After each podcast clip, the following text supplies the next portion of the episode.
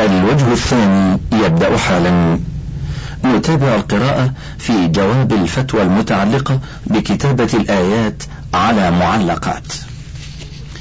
كما أن الأحاديث النبوية الصحيحة جاءت بيانا للقرآن وهداية للناس وتفصيلا للأحكام ليسترشد بها الناس في فهم كتاب الله تعالى ويتدبروا آياته ولعلهم يتفكرون. قال الله تعالى وأنزلنا إليك الذكر لتبين للناس ما نزل إليهم ولعلهم يتفكرون. وقال سبحانه إنا أنزلنا إليك الكتاب بالحق لتحكم بين الناس بما أراك الله ولا تكن للخائنين خصيما. وسمى تعالى نفسه بالأسماء الحسنى ليعرف عباده بنفسه فيثبتوها له ويؤمنوا بما دلت عليه من الكمال والجلال. ويثنوا عليه الثناء الجميل ويدعوه بها في السراء والضراء خوفا ورجاء. ويحصوها عقيدة وعملا ويحافظ عليها لفظا ومعنى فلا يلحد ولا يميل بها عما قصد منها. قال الله تعالى ولله الأسماء الحسنى فادعوه بها وذروا الذين يلحدون في أسمائه سيجزون ما كانوا يعملون. وقال صلى الله عليه وسلم إن لله تسعة وتسعين اسما من أحصاها دخل الجنة. أي أحصاها اعتقادا وقولا وعملا ومحافظة على حرمتها ومقتضاها. وقد أمر الله بالبلاغ والدعوة إلى الإسلام وبين ذلك الرسول صلى الله عليه وسلم قولا وعملا. فكان يخطب في أصحابه رضي الله عنهم ويتعهدهم بالمواعظ والتذكير. ويكتب الرسائل إلى الملوك والرؤساء ويغشى الكفار في نواديهم ومجالسهم ليبلغهم دين الإسلام. ولم يعرف عنه أنه كتب سورة من القرآن أو آية منه أو حديثا له أو أسماء الله تعالى على لوحات أو أطباق لتعلق على الجدران أو في الممرات من أجل الزينة أو التبرك أو لتكون وسيلة للتذكير والبلاغ أو للعظة والاعتبار. ودرج على هديه في ذلك الخلفاء الراشدون وسائر الصحابة رضي الله عنهم وتبعهم في هذا أئمة الهدى من السلف الصالح الذين شهد لهم النبي صلى الله عليه وسلم أنهم خير القرون من بعده رضي الله عنهم. فلم يكونوا يكتبون شيئا من القرآن ولا الأحاديث النبوية الصحيحة ولا أسماء الله الحسنى على ألواح أو على أطباق أو أقمشة. ليعلقوها على الجدران للزينة أو التذكير والاعتبار. بعد أن انتشر الإسلام واتسعت رقعته وعمت الثقافة الإسلامية البلاد والأقطار وكثر الكتاب وتيسرت وسائل كثيرة متنوعة للإعلام. كما لم يفعلوا ذلك من قبل وهم أفهم للإسلام ومقاصده وأحرص على نشره وإبلاغه. ولو كان ذلك مشروعا لدلنا عليه النبي صلى الله عليه وسلم وأرشدنا إليه ولعمل به أصحابه أئمة الهدى بعدهم رضي الله عنهم. وعلى هذا فكتابة شيء من القرآن أو الأحاديث النبوية أو أسماء الله الحسنى على ألواح وأطباق أو نحوها لتعلق للزينة أو التذكير أو الاعتبار أو لتتخذ وسيلة لترويج التجارة ونفاق البضاعة وإغراء الناس بذلك ليقبلوا على شرائها وليكون نماء المال وزيادة الأرباح عدول بالقرآن وأحاديث النبي صلى الله عليه وسلم عن المقاصد النبيلة التي يهدف إليها الإسلام من وراء ذلك ومخالف لهدي رسول الله صلى الله عليه وسلم وهدي الصحابة وأئمة السلف رضي الله عنهم. ومع هذا قد يعرض لها ما لا يليق من الإهانة على مر الأيام وطول العهد عند الانتقال من منزل لآخر أو نقلها من مكان لآخر وحمل الجنب أو الحائض لها أو مسها إياها عند ذلك. فعلى المسلم أن يعرف لكتاب الله تعالى منزلته وأن يقدره قدره وليجعل مقاصده نصب عينيه وليتخذ منه ومن الأحاديث النبوية منارا يهتدي به. وليحذر الذين يخالفون مقاصد التشريع الإسلامي أن تصيبهم فتنة أو يصيبهم عذاب أليم. ومن آمن بالقرآن وبأسماء الله الحسنى وأحاديث النبي صلى الله عليه وسلم فليلتمس الهدى والبركة من الله بتلاوة كتابه الكريم وتدبره والتفقه فيه ومعرفة بيانه بالاطلاع على سنة نبيه صلى الله عليه وسلم والتفقه فيها. ويأخذ نفسه بالعمل بذلك في عبادته ومعاملاته ليفيض عليه من بركاته حسية ومعنوية ويجزل له الأجر ويحفظه في شؤونه وأحواله. ولا يلتمس ذلك فيما يخالف هدي القرآن وسنة النبي صلى الله عليه وسلم من تعليق ما كتب من ذلك على الجدران ونحوها. ولا يجوز التأسي بالكفرة من النصارى وغيرهم فيما يخالف شرع الله عز وجل. ولما ذكرنا فإن اللجنة الدائمة للبحوث العلمية والإفتاء ترى عدم السماح بدخول مثل هذه الأطباق إلى هذه المملكة. كما ترى أنه لا ينبغي للمسلم إنتاج مثل هذه الأطباق من مصنعه محافظة على حرمة كتاب الله وسنة رسوله صلى الله عليه وسلم وعلى حرمة أسمائه وصفاته عز وجل. وبالله التوفيق وصلى الله على نبينا محمد وآله وصحبه وسلم. سؤال أحدنا يحمل المصحف في جيبه وربما دخل به الخلاء فما حكم ذلك أفيدونا؟ جواب الحمد لله وحده والصلاة والسلام على رسوله وآله وصحبه وبعد. حمل المصحف بالجيب جائز. ولا يجوز أن يدخل الشخص الحمام ومعه مصحف بل يجعل المصحف في مكان لائق به تعظيما لكتاب الله واحتراما له.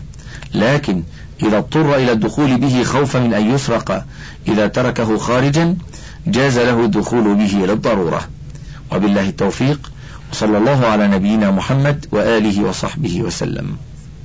سؤال أنا أحمل المصحف الشريف في جيبي ودخلت دورة المياه ونسيت أنه في جيبي فما الحكم في ذلك؟ جواب الحمد لله وحده والصلاة والسلام على رسوله وآله وصحبه وبعد. إذا كان الواقع كما ذكرت من النسيان فلا إثم عليك. وبالله التوفيق وصلى الله على نبينا محمد وآله وصحبه وسلم. قراءة القرآن لغير المسلم. هل يحق لنا أن ندع أحد المسيحيين رغبة في أن يهديه الله؟ يقرأ القرآن المترجم ولو كان غير طاهر أي يقرأ معاني القرآن؟ جواب الحمد لله وحده والصلاة والسلام على رسوله وآله وصحبه وبعد. الدعوة إلى الله هي طريقة الرسل. قال تعالى قل هذه سبيلي أدعو إلى الله على بصيرة أنا ومن اتبعني. وسبحان الله وما أنا من المشركين. وتسليمه نسخة من ترجمة معاني القرآن الكريم من أنواع الدعوة إلى الله فلا بأس بذلك. وبالله التوفيق وصلى الله على نبينا محمد وآله وصحبه وسلم. سؤال عن ترجمة معاني القرآن. ما حكم إعطاء ترجمة القرآن بلغة أخرى إن جاز هذا التعبير لغير المسلم؟ جواب الحمد لله وحده والصلاة والسلام على رسوله وآله وصحبه وبعد. يجوز إعطاء ترجمة معاني القرآن الكريم لغير المسلم من أجل البلاغ ودعوته إلى الإسلام وتغليبا لجانب الترجمة. وبالله التوفيق وصلى الله على نبينا محمد وآله وصحبه وسلم. سؤال حمل المصحف إلى بلد يهان فيه. هل يجوز حمل المصحف القرآن إلى بلاد الكفار؟ جواب الحمد لله وحده والصلاة والسلام على رسوله وآله وصحبه وبعد. حمل المصحف للمسلم إلى بلاد الكفار من المسائل التي اختلف الفقهاء في حكمها. فقال جماعة منهم بجواز حمله إلى بلادهم. وقال آخرون يمنع ذلك. لنهي النبي صلى الله عليه وسلم عن السفر به إلى بلادهم خشية أن يمتهنوه أو يحرفوه أو يشبهوا على المسلمين فيه. روى البخاري ومسلم. عن ابن عمر رضي الله عنهما أن رسول الله صلى الله عليه وسلم نهى أن يسافر بالقرآن إلى أرض العدو. وروى مسلم أيضا عن عبد الله بن عمر رضي الله عنهما عن رسول الله صلى الله عليه وسلم أنه كان ينهى أن يسافر بالقرآن إلى أرض العدو مخافة أن يناله العدو. لا تسافروا بالقرآن فإني لا آمن أن يناله العدو. قال آخرون يجوز حمله إلى بلادهم للبلاغ وإقامة الحجة عليهم. وللتحفظ والتفهم لأحكامه عند الحاجة إذا كان للمسلمين قوة أو سلطان أو ما يقوم مقامهما من العهود والمواثيق ونحو ذلك مما يكفل حفظه ويرجى معه التمكن من الانتفاع به في البلاغ والحفظ والدراسة. ويؤيد ذلك ما ورد في آخر حديث النهي عن السفر به إلى بلادهم من التعليل. وهذا الأخير هو الأرجح لحصول المصلحة مع انتفاء المفسدة التي خشيها النبي صلى الله عليه وسلم. وبالله التوفيق وصلى الله على نبينا محمد وآله وصحبه وسلم. سؤال أنا مسؤول عن بريد الموسم ويوجد في هذه البلدة المغتربون وغيرهم فيأتون أحيانا بمظاريف وفي داخل المظروف مصحف متوسط الحجم ويريدون إرسالها إلى بلاد غير عربية والغالب على أهلها الكفر فهل يجوز إرسال القرآن الكريم إلى هذه البلدة؟ مع العلم أنه ورد في البخاري ومسلم عن ابن عمر رضي الله عنهما قال نهى رسول الله صلى الله عليه وسلم أن يسافر بالقرآن إلى أرض العدو متفق عليه. جواب الحمد لله وحده والصلاة والسلام على رسوله وآله وصحبه وبعد. إذا كان المرسل إليه المصحف مسلما فلا حرج في إرساله سواء كان البلد عربيا أو غير عربي وسواء كان أهلها مسلمين أم غير مسلمين. لأنه الحال ما ذكر لا تناله أيدي الكفار لأنه لم يرسل إليهم. ولا خطر عليه منهم إلا إذا كان البلد الذي فيه المسلم المرسل إليه المصحف بلدا حربيا أو لا يؤمن على المصحف من أخذ الكفار له من يد المرسل إليه أو من موزع البريد فإنه يمنع إرسال المصحف إليه عملا بالحديث الصحيح المذكور في السؤال وبالله التوفيق صلى الله على نبينا محمد وآله وصحبه وسلم سؤال الحمد لله وحده والصلاة والسلام على من لا نبي بعده. وبعد. كتابة الآيات بما يهان من الصحف والوصفات الطبية وغير ذلك. اطلعت اللجنة الدائمة للبحوث العلمية والإفتاء على ما ورد إلى سماحة الرئيس العام من المستفتي وزير الصحة حسين الجزائري والمحال إلى اللجنة من الأمانة العامة لهيئة كبار العلماء برقم خمسة وخمسين وأربعمائة وألف تقسيم اثنين في الخامس عشر من الشهر السابع أي شهر رجب سنة ألف وثلاثمائة وتسع وتسعين هجرية.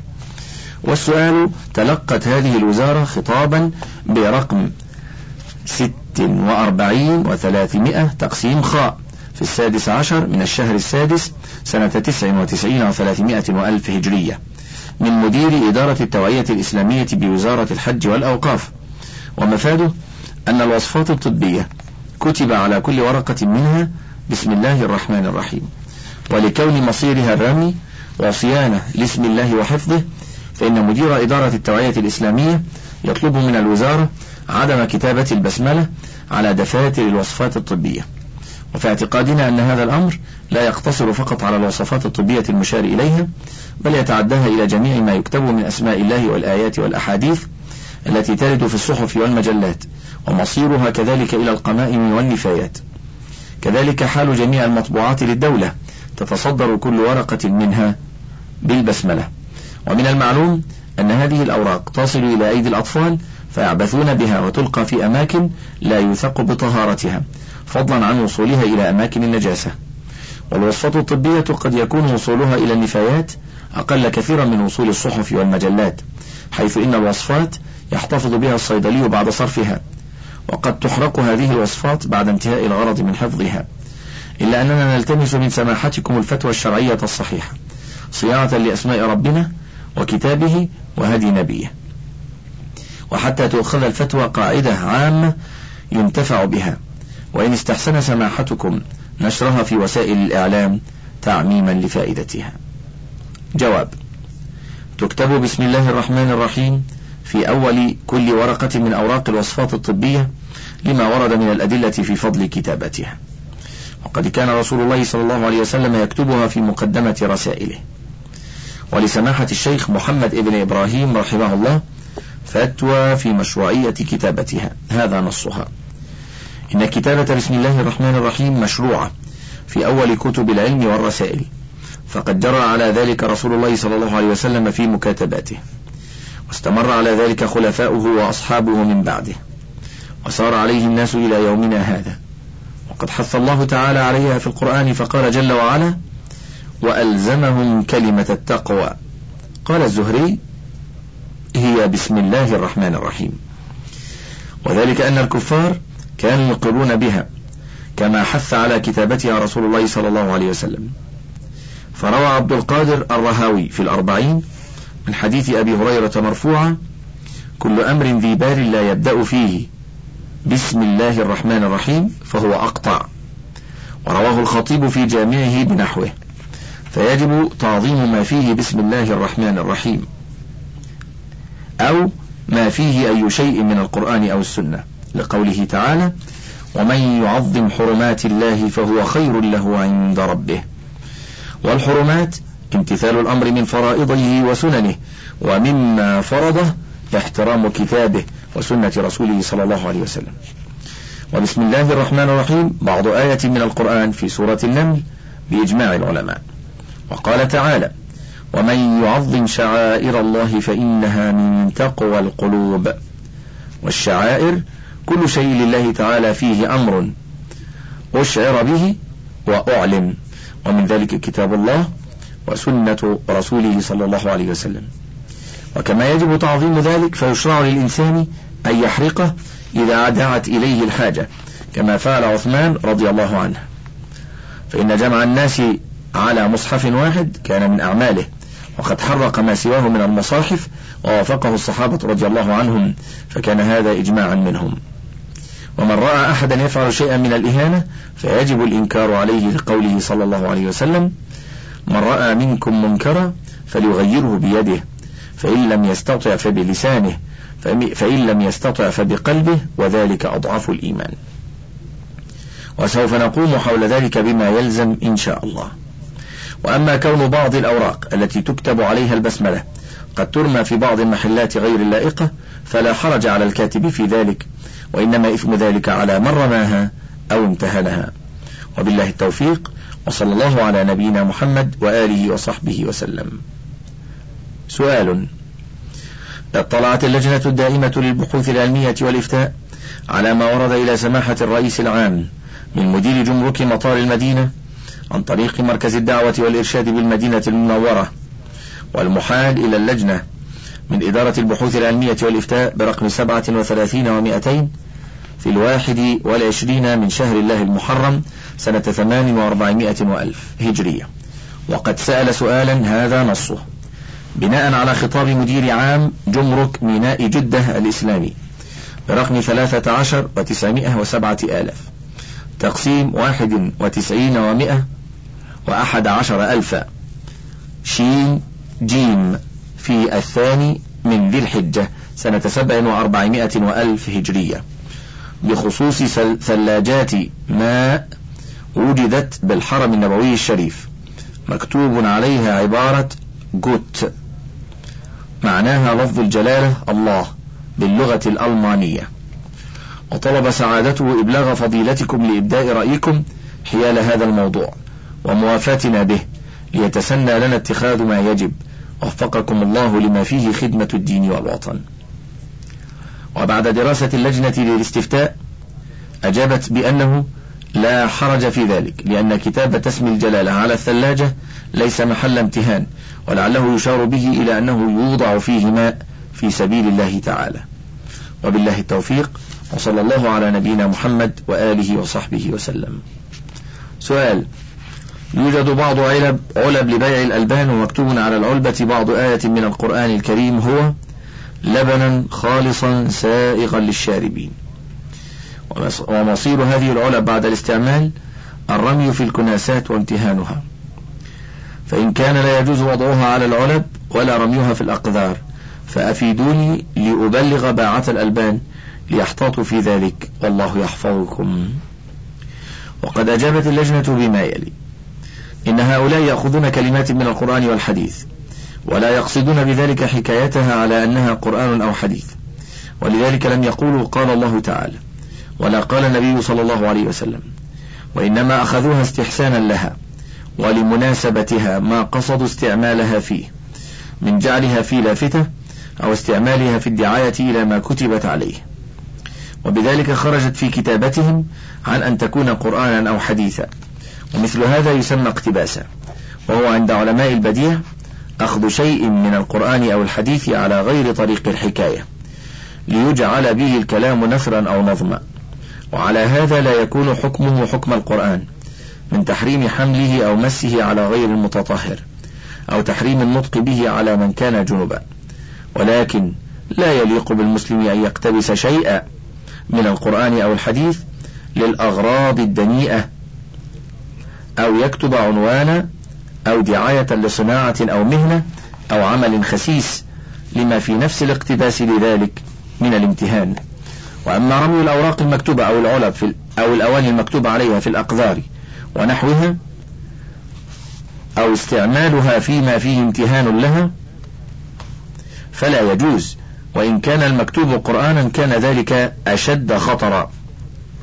وإن قصد برمي ما فيه القرآن امتهانه أو كان مستهترا بقذفه في القاذورات أو باستعماله فيها كان ذلك كفرا. وبالله التوفيق وصلى الله على نبينا محمد وآله وصحبه وسلم. سؤال اطلعت اللجنة الدائمة للبحوث العلمية والإفتاء على ما ورد إلى سماحة الرئيس العام من المستفتي مدير عام الجمارك والمحال إلى اللجنة من الأمانة العامة لهيئة كبار العلماء. والسؤال يرد الجمارك لبعض التجار أنواع مختلفة من السجاد بمقاسات مختلفة. قد استفسر بعضهم عن إمكانية فسح السجاد التي تحمل لفظ الجلالة أو اسم محمد رسول الله صلى الله عليه وسلم من عدمه. من العينة المرفقة. إن هذه الأصناف تعلق على الحائط ولا توضع على الأرض. وبعد دراسة اللجنة للسؤال أجابت بما يلي لا يجوز الفسح للسجاد الذي كتب عليه لفظ الجلالة أو اسم محمد رسول الله صلى الله عليه وسلم لما يترتب على ذلك من الإهانة بافتراشها والصلاة عليها وكونها توضع على الجدران لا يلتزم به كل من كانت عنده هذه السجادة. بل من الناس من وضعها على الحائط ومنهم من يفرشها في الأرض. ومن القواعد المقررة في الشريعة سد الذرائع الموصلة إلى انتهاك محارم الله. وبالله التوفيق صلى الله على نبينا محمد وآله وصحبه وسلم. سؤال يجري بيع لوحات تعلق على الحائط؟ مكتوب عليها آية الكرسي. تعلق على الغرف تكريما وافتخارا بالقرآن الكريم. هل مثل هذه اللوحات محرم بيعها في الأسواق واستيرادها إلى المملكة؟ جواب الحمد لله وحده والصلاة والسلام على رسوله وآله وصحبه وبعد. القرآن نزل ليكون حجة على العالمين ودستورا ومنهاجا لجميع أفراد المسلمين. يحلون حلاله ويحرمون حرامه ويعملون بمحكمه ويؤمنون بمتشابهه. يحفظ في الصدور ويكتب في المصاحف والرقاع والألواح ونحوها للرجوع إليه وتلاوته منه عند الحاجة. هذا هو الذي فهم المسلمون الأوائل ودرج عملهم عليه. أما ما بدأ يظهر في هذه الأزمنة من كتابة بعض القرآن على لوحة أو رقعة كتابة مزخرفة وتعليقها داخل غرفة أو سيارة أو نحو ذلك. هذا ليس من عمل السلف. وقد يكون في ذلك من المفاسد أعظم مما قصد الكاتب أو المعلق من تعظيمه والافتخار به. من شغل المعتنين بذلك عن الاهتمام بأغراض القرآن التي نزل من أجلها. فالأولى بالمسلم أن يترك هذه الأشياء. ويبتعد عن التعامل فيها وإن كان الأصل فيها الحل خشية أن يكثر استعمالها والتعامل فيها تشغل الناس عما هو المقصود من القرآن. وبالله التوفيق وصلى الله على نبينا محمد وآله وصحبه وسلم.